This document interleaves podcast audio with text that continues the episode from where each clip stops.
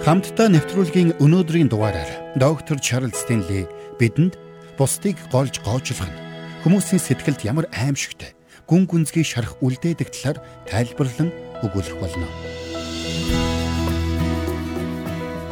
За мөн хэрвээ бид ийм шарахыг зүрхэндээ тээж байгаа бол үүнийг хэрхэн эдгэж хэрхэн даван гарах вэ гэдгийг ч мөн доктор Стенли бидэнд зөвлөх болно. Бидний амьдралд байдаг сэтгэл хөдлөл бүр их баг ямар нэгэн хэмжээгээр асуудлыг дагуулж байдаг. Харин бид Бурхны үгийг судалж, Бурхны үгээс зөвлөгөө авснаар тэр бүх асуудлыг амжилттайгаар шийдэж чаддаг үлээ. Ингээд хамтдаа доктор Стенли ярианд анхаарлаа хандуулцгаая.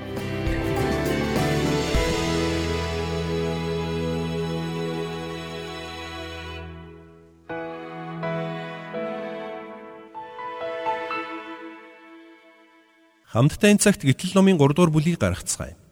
Израильчууд Египтийн боолшилд ор байх үед Мөсө хэрхэн мэндэлсэн түүхийг та санаж байгаа бах. Эхэн Мөсөг өсгөх боломжгүй болсон тул Нера байхад нь сагсанд хийгээд нил мөрөнд урсгаж орхисныг фараоны өхөн олоод Мөсөг өсгсөн байдаг. Улмаар Мөсөг хөхнөөс нь гарах хүртэл нь төрсөн ихтер нь байлгаад хөхнөөс нь гаргасан хойно нь фараоны ордонд авчирсан юм. Тийхүү Мөсө Египтийн хамгийн нөлөө бүхий чухал хүмүүсийн нэг болон өссөн байдаг. Хожим нь Мөсө нэгэн Египт хүний хөнөөснөр гемт хэрэгт холбогдож улмаар цүл рүү зугтсан байдаг юм. Үүний дараа үйл явдал хэрхэн өрснийг хамтдаа уншицгаая. Гэтэл номын 3 дугаар бүлгийн 1-ээс 6-ыг харъя. Мөсө хадам эцэг Медианы тахилж Етрогийн хонин сүргийг хариулж байв. Тэрээр сүргийг цүлийн араар тууж Бурхны уул хорепт хүрчээ. Эзний тэнгэрлэгч өргөс бутан дундаас галын дүлэн дунд түүнд үзэгдэв. Харагтун бутанд гал дүрлзэж байсан боловч бут шатахгүй байгааг Мөсө харлаа. Тэгэд Мөсө бут яагаад шатахгүй байгаа? Энэ гайхамшигт үзэгдлийг очиж харъя байз гэлээ. Тэрээр харахаар эргэснийг эзэн үдсэн агаад бутан дундаас түүнийг бурхан дуудан Мөсө Мөсө гэсэн тэрбэр би энд байна гэж хэлв. Тэгтэл нааша бүү ойрт чиний зогсож байгаа газар ариун газар учраас хөлдөх шахага тайл гэж тэр айлдав. Мөн чиний эцгийн бурхан, Авраамийн бурхан, Исаакийн бурхан, Яаковын бурхан би байгаа юмаа гэж айлдан. Мөсө бурхныг үсгээс айж нүрээ нуув. Үүний дараа бурхан Мөсөд хандан Египтэд гашуун зовлон эдлэж буй Израильчүүдийн талаар өгүүлж Мөсөг Египт рүү буцаан илгээсэн байдаг юм. Ингээд хамтдаа гитлэл номын 3 дугаар бүлгийн 10-аас 13-ыг харъя. Тиймээс одоо явах тун би чамайг фараон руу илгээж чамаар өөрийн ард түмэн болох Израилийн хөвгүүдийг Египтээс авчруулъя гэв.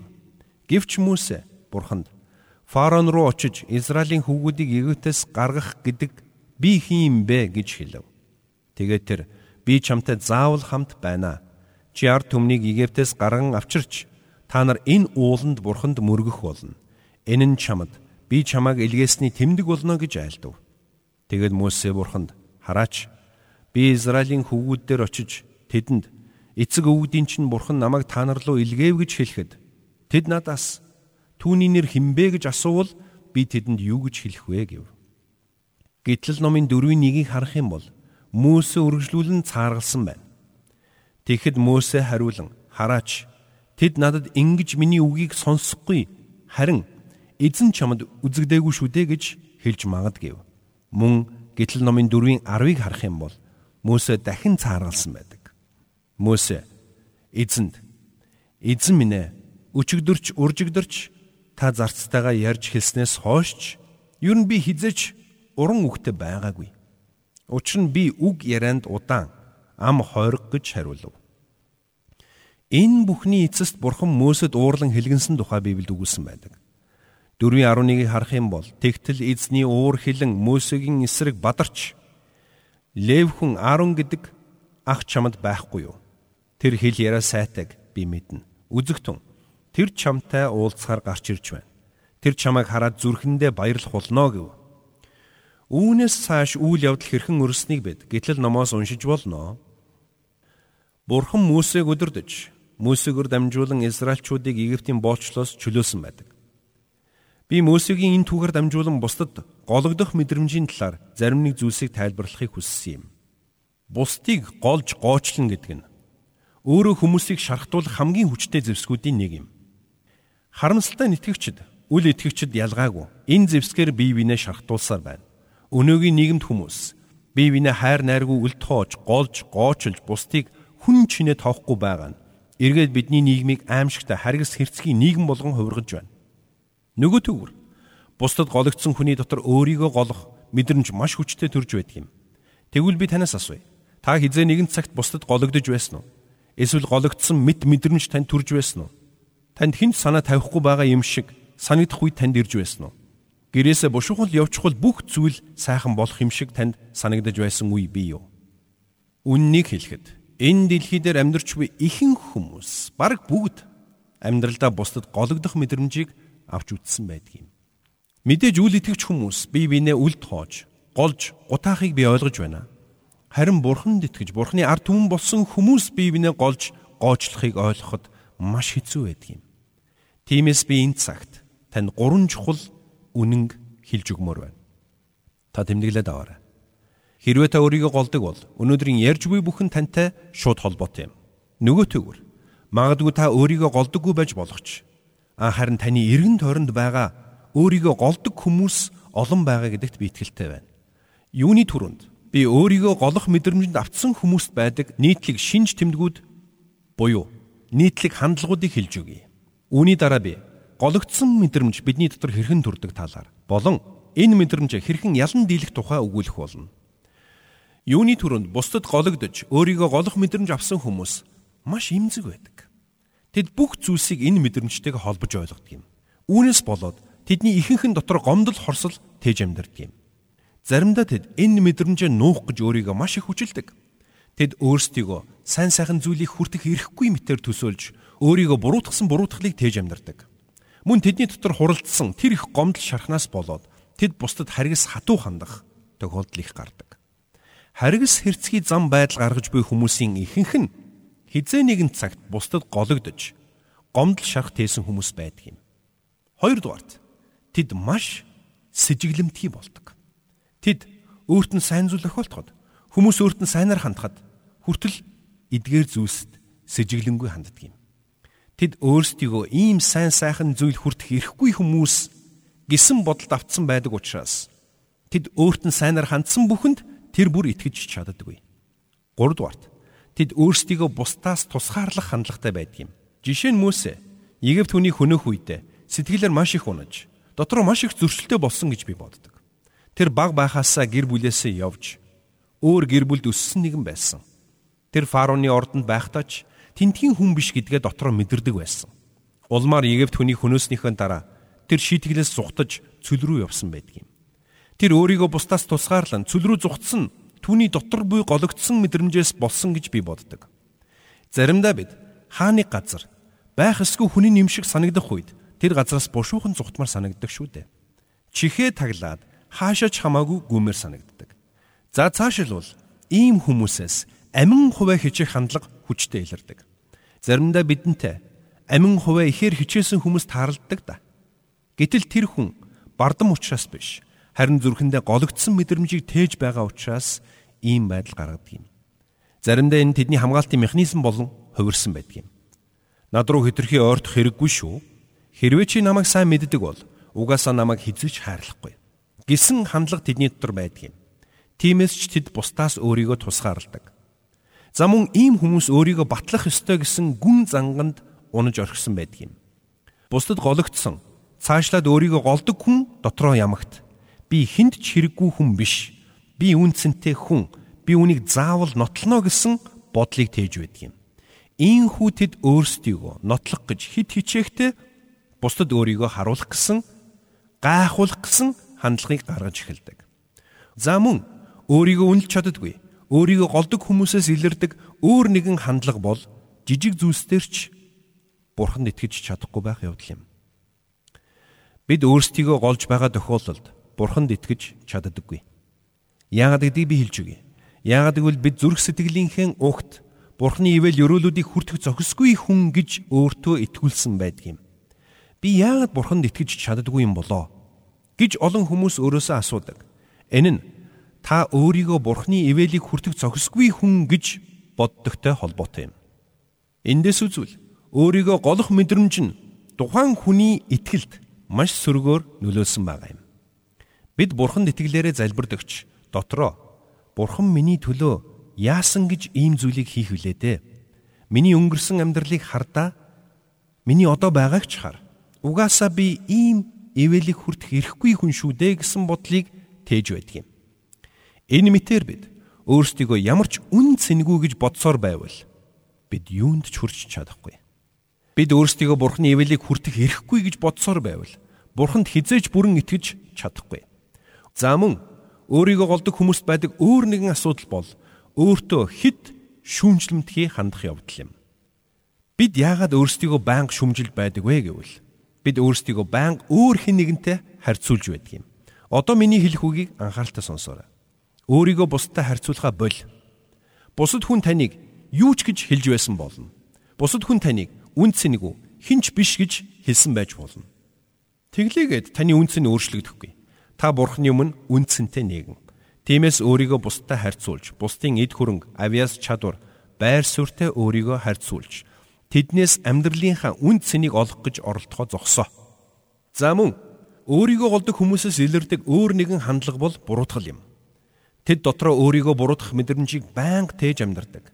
Харин энэ мэдрэмж нь тэдний санаачлагтай бүтээлч байдлыг байнга үгүй хийж байдаг юм. Тэд юу хийхээ мэдэж байсан ч яагаад ч юм хийж чаддаггүй. Учир нь тэдэнд тухайн зүйлийг хийх эрч хүч, урам зориг, бүтээлч байдал байдаггүй юм. Эцэст нь өөрийгөө голдог хүмүүс бүхнийг төгс хийх гэсэн хандлагатай байдаг юм. Энэ зүйл ийм л байх ёстой. Үүнийг ингэж л хийх ёстой. Өөрөөр хийх боломжгүй гэсэн хатуу бодол тэдний дотор бий болсон байдаг юм. Би үүнийг ингэж л хийх ёстой юм. Өөрөөр хийвэл би бүтлгүүтнэ гэсэн бодолд тэд автдаг. Тэгэхээр бид бусдад гологдсон өөрийгөө голдог хүмүүсээс түгээмэл илэрдэг зарим хандлагуудыг авч үзлээ. Би танд хэлье. Өөрийгөө голох мэдрэмж давтсан хүн гэдэг бол өөрийг нь байнга өвдөж зовоож байдаг. Сэтгэл зүйн хорт хавдар туссан хүн гэсэн үг юм. Заримдаа өөрт нь мэдрэгдэж буй сэтгэлийн шанал хаанаас ихтэй болохыг тэд өөрсдөө ч ойлгодоггүй. Хинч өөрт нь санаа тавихгүй байгаа юм шиг. Хинч өөрт нь талархахгүй байгаа юм шиг хинч өөрийг нь хайрлахгүй, ойлгохгүй байгаа юм шиг мэдрэмжийг байнга тээж амьдрч байгаа хүний сэтгэл санаа дотроосоо тасралтгүй идэгдэж байдаг юм. Тэгвэл бидний дотор яагаад гологдсон мэдрэмж бий болдог юм бэ? Миний бодлоор үндсэн гурван их сурвалж бий. Нэгдүгээрт энэ бидний хүүхэд настай холбоотой байдаг юм. Зарим эцэг эхчүүд хүүхдүүдтэй чи юу ч хийж чадахгүй, чи хүнд ч хэрэггүй, чи ямар ч үн цэнгүй гэж хэлсэн байдаг. Намайг яг одоо сонсож байгаа эцэг эхчүүдийн дотор хүүхдүүдэд ингэж хэлдэг хүн байгаа бол үүнийг яг одоо таслан зогсоо. Учир нь та хүүхдийнхээ ирээдүйг сүрүүлж байна. Хэрвээ та хүүхдэд ингэж хэлсэн байх юм бол хүүхэд чинь өөртөө итгэлгүй, санаачлаггүй, өөрийгөө голсон нэгэн болж өсөх болно. Нөгөөтэйгүр цаг ямагт өөрийгөө нотлох гэж хичээн өөрийгөө бусдад хэн нэгэн болгож харуулах гэж оролддог өөртөө сэтгэл хангалуун биш нэгэн болж өсөх болно. Хоёрдугаарт бидний дотор гологдсон мэдрэмжийг төрүүлж байдаг бас нэгэн хүчин зүйл бол буруутгал юм. Мөсө жухамдаа энэ шалтгааны улмаас сүл рүү зүхтэж бусдаас өөрийгөө тусгаарлсан юм. Тэр хүний амь хөнөөсөн буруутгалынхаа улмаас цөл рүү зүхтэж тэр буруутгалаа тэр бүхэл амьдралынхаа туршид тээж амьдэрсэн юм. Улмаар энэ нь түүнийг өөрийгөө голдог нэгэн болгож өөрчилсөн байдаг. Тэгвэл гурав дахь үндсэн шалтгаан нь бусад хүмүүсийн шүмжлэл байдаг юм. Бидний эргэн тойронд байгаа хүмүүс бидэнд чи үүнийг хийж чадахгүй дээ. Чамд үүнийг хийх эр зориг байхгүй. Чамд үүнийг хийх авьяас байхгүй. Чамд үүнийг хийх мөнгө байхгүй. Гэх мэт сөрөг зүйлсийг хэлж эхлэх үед бид аажмаар өөрийгөө голох мэдрэмжт автаж эхэлдэг юм. Өнөөдөр бидний амьдарч байгаа нийгэм энэ мэт сөрөг хандлагаар дүүрэн болсон байна. Тэрч бүхэл Христэд итгэгч бид хүртэл өөрсдөө ч бусдыг шүмжилж доош нь хийхтэй гаргууд болсон байна. Та хэн нэгэн хүнийг зориудаар үл тоомсорлож голж гоочлох үед тухайн хүнийг дотроос нь нураа халахмыг хийж байгаа гэдгийг ойлгох хэрэгтэй. Тийм учраас Бурхан хэлэхдээ бидний хөлийг гал түмэртэй зүүрлсэн юм. Бид хэлээрээ бусдыг дотроос нь шатааж орхидог. Тийм учраас бид бусдад хэлэх үг, хандах хандлагатай анхаарал болгоомжтой байх нь чухал юм. За харин одоо маш чухал хэсэг рүү оръё. Бид бусдад гологдсон мэдрэмжээ хэрхэн ялан дийлэх вэ? Нэгдүгээрт их сурвалжийг нь бодож үз. Бурхан таныг хизээж голоогүй гэдгийг сана. Магадгүй хин нэгэн хүн дотроо би аврагдахыг хүссэн ч Бурхан намайг хүлээж авахгүй байх таа гэж бодож байсан байж болно. Тэгвэл Библи бидэнд хэлэхдээ над руу ирэгчийг би огт хөөж гарахгүй гэсэн байдаг. Бурхан таныг хизээж голохгүй. Голоогүй гэдгийг та сайтар ойлгох хэрэгтэй. Хоёрдугаарт гологдсон мэдрэмжтэйгээ бүү ивлэр. Хэн нэгэн хүн таныг үл тоож голсон байлаач түүний энэ үйлдэлийг өөр дээрээ бүү тусгаж ав. Яагад гэвэл бурхан таныг голоогүй хүлээж авсан. Энэ л хамгийн чухал нь шүү дээ. Эфес номын 1-5-ыг харах юм бол тэрээр хүслийнхээ сайн тааллын дагуу биднийг Есүс Христээр дамжсан үрчлэлд урдаас тогтоожээ гэсэн байна. Тиймээс гологдсон мэдрэмжээ таягдан хай. Учир нь Бурхан таныг хүлээж авсан. Бурхан бүхнийг мэддэг. Бүхнийг шударгаар шүүдэг нэгэн. Ийм Бурхан таныг үн цэнтэй тооцсон байхад хин нэгэн хүний хандлагаар та өөрийгөө дүгнэн гэж юу. За тэгэхээр гологдсон мэдрэмжээ ялан дийлэхийн тулд юуны өмнө их сурвалжийг нь эргцүүлэн бодоод Бурхан таныг голоогүй гэдгийг санах хэрэгтэй. Хоёрдугаарт нь бидний дурдсанаар гологдсон мэдрэмжээ бүү хүлэн зөвшөөр. Бурхан таныг голоогүй байхад өөр хэн нэгэн хүний үзэл бодлыг дагаж өөрийгөө олохоо бол. Угтаа бол бидний голсон хүмүүсийн үзэл бодлыг хүлээн зөвшөөрөх сонголтыг бид өөрсдөө л хийж байдаг юм. Өөрийгөө бусдад батлах гэсэн хүсэл давтсан хүмүүс өөрийнхөө үн цэнийг бусдаар дүгнүүлэх гэж хичээж байдаг юм. Үүнийгээ зогсоо. Үүний оронд та бурхан руу хар. Учир нь таны өөрийгөө үнэлэх үнлэмж бусдын үнлэмжээс хамаарч байвал энэ нь хизээж тогтвортой, найдвартай үнэлгээ байж чадахгүй. Учир нь танд хандах бусад хүмүүсийн хандлага өдрөөс өдөрт өөрчлөгдсөөр байх болно. Тэгвэл таны өөрийгөө үнэлэх үнлэмж чинь үүнийг дагаад байнга өөрчлөгдөд байвал юу болох вэ? Тиймээс та бусад хүмүүсийг биш, Бурхныг хараарай. За 3 дугаарт бид Есүс Христтэй харилцах харилцаанд бүх анхаарлаа хандуулах ёстой. Магадгүй та өөрөө өөрийгөө хүлээн зөвшөөрч чадахгүй. Өөрөө өөртөө ямар ч үн цэнгүй мэд санагдаж байж болох юм. Гэсэн ч та нэг зүйлийг үргэлж санаарай. Та бурхан эцгийнхээ өмнө бол үнэхээр үн цэнтэй шүү. Учир нь тэр таныг бүтээсэн. Мөн та түүний хүү Есүс Христийн хувьд үн цэнтэй нэгэн. Учир нь тэр таны төлөө амиа өгсөн. Таны төлөө амиа өгөхөөс буцахгүй өөр хэн нэгэн гэж биевлүү. Харин Бурхны хүү Есүс Христ таныг Бурхан эцэгтэйгээ эвлэрүүлэхийн тулд үгээр илэрхийлэхийн аргагүй зовлон эдлэж загламаа дээр амиа өгсөн гэдгийг санаарай. Тиймээс та өөртөө хэлээрэй. Бурхан эцэг намайг голоогүй. Учир нь тэр намайг бүтээсэн. Есүс Христ намайг голоогүй. Учир нь тэр миний төлөө амиа өгсөн. Ариун сүнс намайг голоогүй. Учир нь тэр миний дотор нутаглаж намайг өдөрдөг. Бурхныг магтъя гэж хэлээрэй. Тиймээс хэрвээ хэн нэгэн хүн таныг голвол Бурхны гурвал таныг эцсээ хүртэл хайрладаг гэдгийг санаарай. Эцэг Бурхан таныг бүтээсэн. Есүс Христ таныг аварсан. Ариун сүнс таны дотор оршин байгаа. Гэхдээ та дотроо хэрвээ тийм юм бол Бурхан яагаад миний амьдралд ийм их зовлон зөвшөөрсөн байгаа юм бэ? Мөн яагаад надад ийм их хэцүү асуудлыг өгч байгаа юм бэ гэж хэлж болох юм. Яагаад гэвэл Бурхан танд хайртай учраас тэр юм. Бурхан таны амьдралаас үгээр илэрхийлжгүй үн цэнийг харсан учраас тэр юм. Бурхан таны дотроос агуу их потенциалыг олж харсан учраас тэр л потенциалд таныг хүргэхийн тулд таныг тайрч, арчилж, өнгөлж, зүлгэж барьж байгуулж байгаа юм. Ингэснээр эцсийн дүндээ та Есүс Христийн дүр төрхийн дагуу гайхамшигтайгаар өөрчлөгдсөн нэгэн болох юм.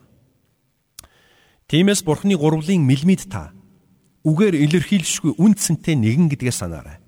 Үүнийг би яаж мэдэж байна гэж юу? Учир нь Бурхан хизээж үн цэнгүй зүйлийг бүтээхгүй юм. Есүс Христ хизээж үн цэнгүй зүйлийн төлөө амиа өгөхгүй юм. Ариун сүнс хизээч үн цэнгүй зүйлийн дотор оршдоггүй юм. Тэгэхэр та маргааш өглөө босоод гэрээсээ гарахдаа нэг зүйлийг бодоорой. Гадаа бороотой бүрхэг байж болно. Ажилч нь бүтэмжгүй байж ч болно. Эргэн тойрондох бүх зүйл чинь нуран унж байгаа юм шиг санагдаж байж ч болно. Гэсэн ч та хоёр сонголтын аль нэгийг нь хийх хэрэгтэй болно. Нэг бол та өөрийгөө голох мэдрэмжтэй автаж би бүтэхгүй амтан намайг хинч хайрладаггүй хэмээн уруу царайлан бөгөх болно. Эсвэл та Халелуя Бурхныг магтъя намайг бүтээсэн эцэг бурхан миний төлөө амиа өгсөн Есүс Христ миний дотор оршин би ариун сүнс намайг хайрладаг учраас Бурхныг магтъя босоод алхахыг химэн хашгирч болох юм. Энэ бол хамгийн чухал хандлага юм. Бид өөрсдийгөө хэн болохыг мэдж өөртөө итгэлтэй байх учраас энэ нь бид өөрөөрөө бардамнан сайрхан гэсэн үг биш юм. Харин өөрийгөө боддоор үнэлэн дүгнэн гэсэн үг юм. Эцэг бурхан, хүү бурхан, ариун сүнс бурхан таныг хин гэж үнэлж байна. Тэр л таны жинхэнэ үнцэн юм. Үүний хажууд бусад хүн таныг юу гэж бодох нь тийм ч их чухал биш юм. Дөрөвдүгээрт та бусдыг уучлж сурах хэрэгтэй. Хэрвээ та бусдыг уучлж чадахгүй юм бол өөрийгөө голох мэдрэмжээ ялан дийлж чадахгүй. Учир нь үл уучлах сэтгэлийг тээснээрээ та өөрөө бусдыг голж байна гэсэн үг юм. Тиймээс та өөртөө хандах зөв хандлагыг олж авахын тулд бусдыг уучлж сурах хэрэгтэй. Цаашилбал та бусдад өгөөмөр хандаж сурах хэрэгтэй. Та бусдад өгөөмөр хандсанараа бусдын үн цэнийг хүлээн зөвшөөрч байна гэсэн үг юм. Эзэн бидэнд хэлэхдээ өгөх түн тэгвэл та нарт мөн өгөгдөх болно гэж айлтсан.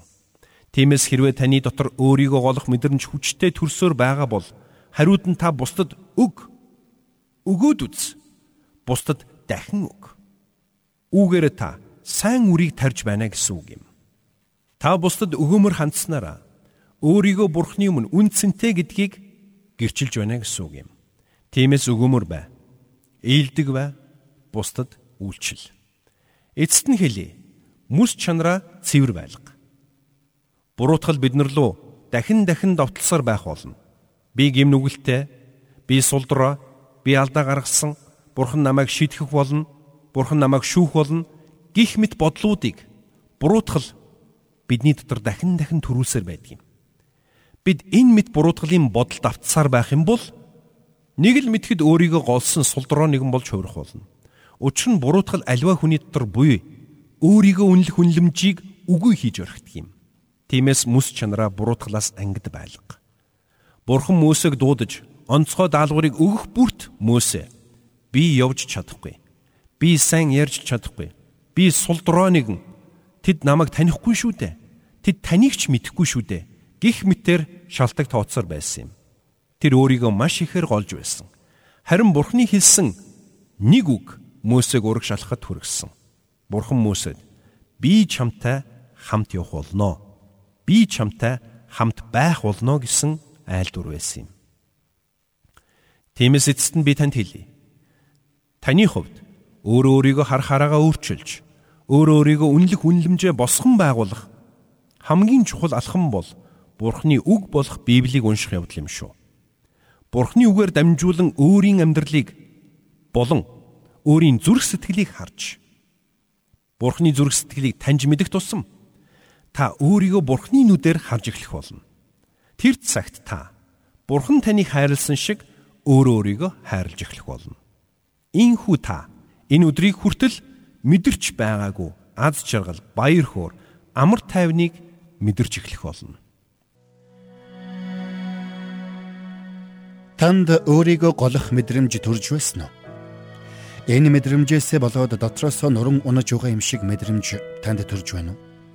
Хэрвээ тийм бол өнөөдрийн нэвтрүүлгээр дамжуулан доктор Стенлийн өгсөн зөвлөгөөг дагаж Библийн үгийн дагуу ухаалаг алхмуудыг хийгээрэй.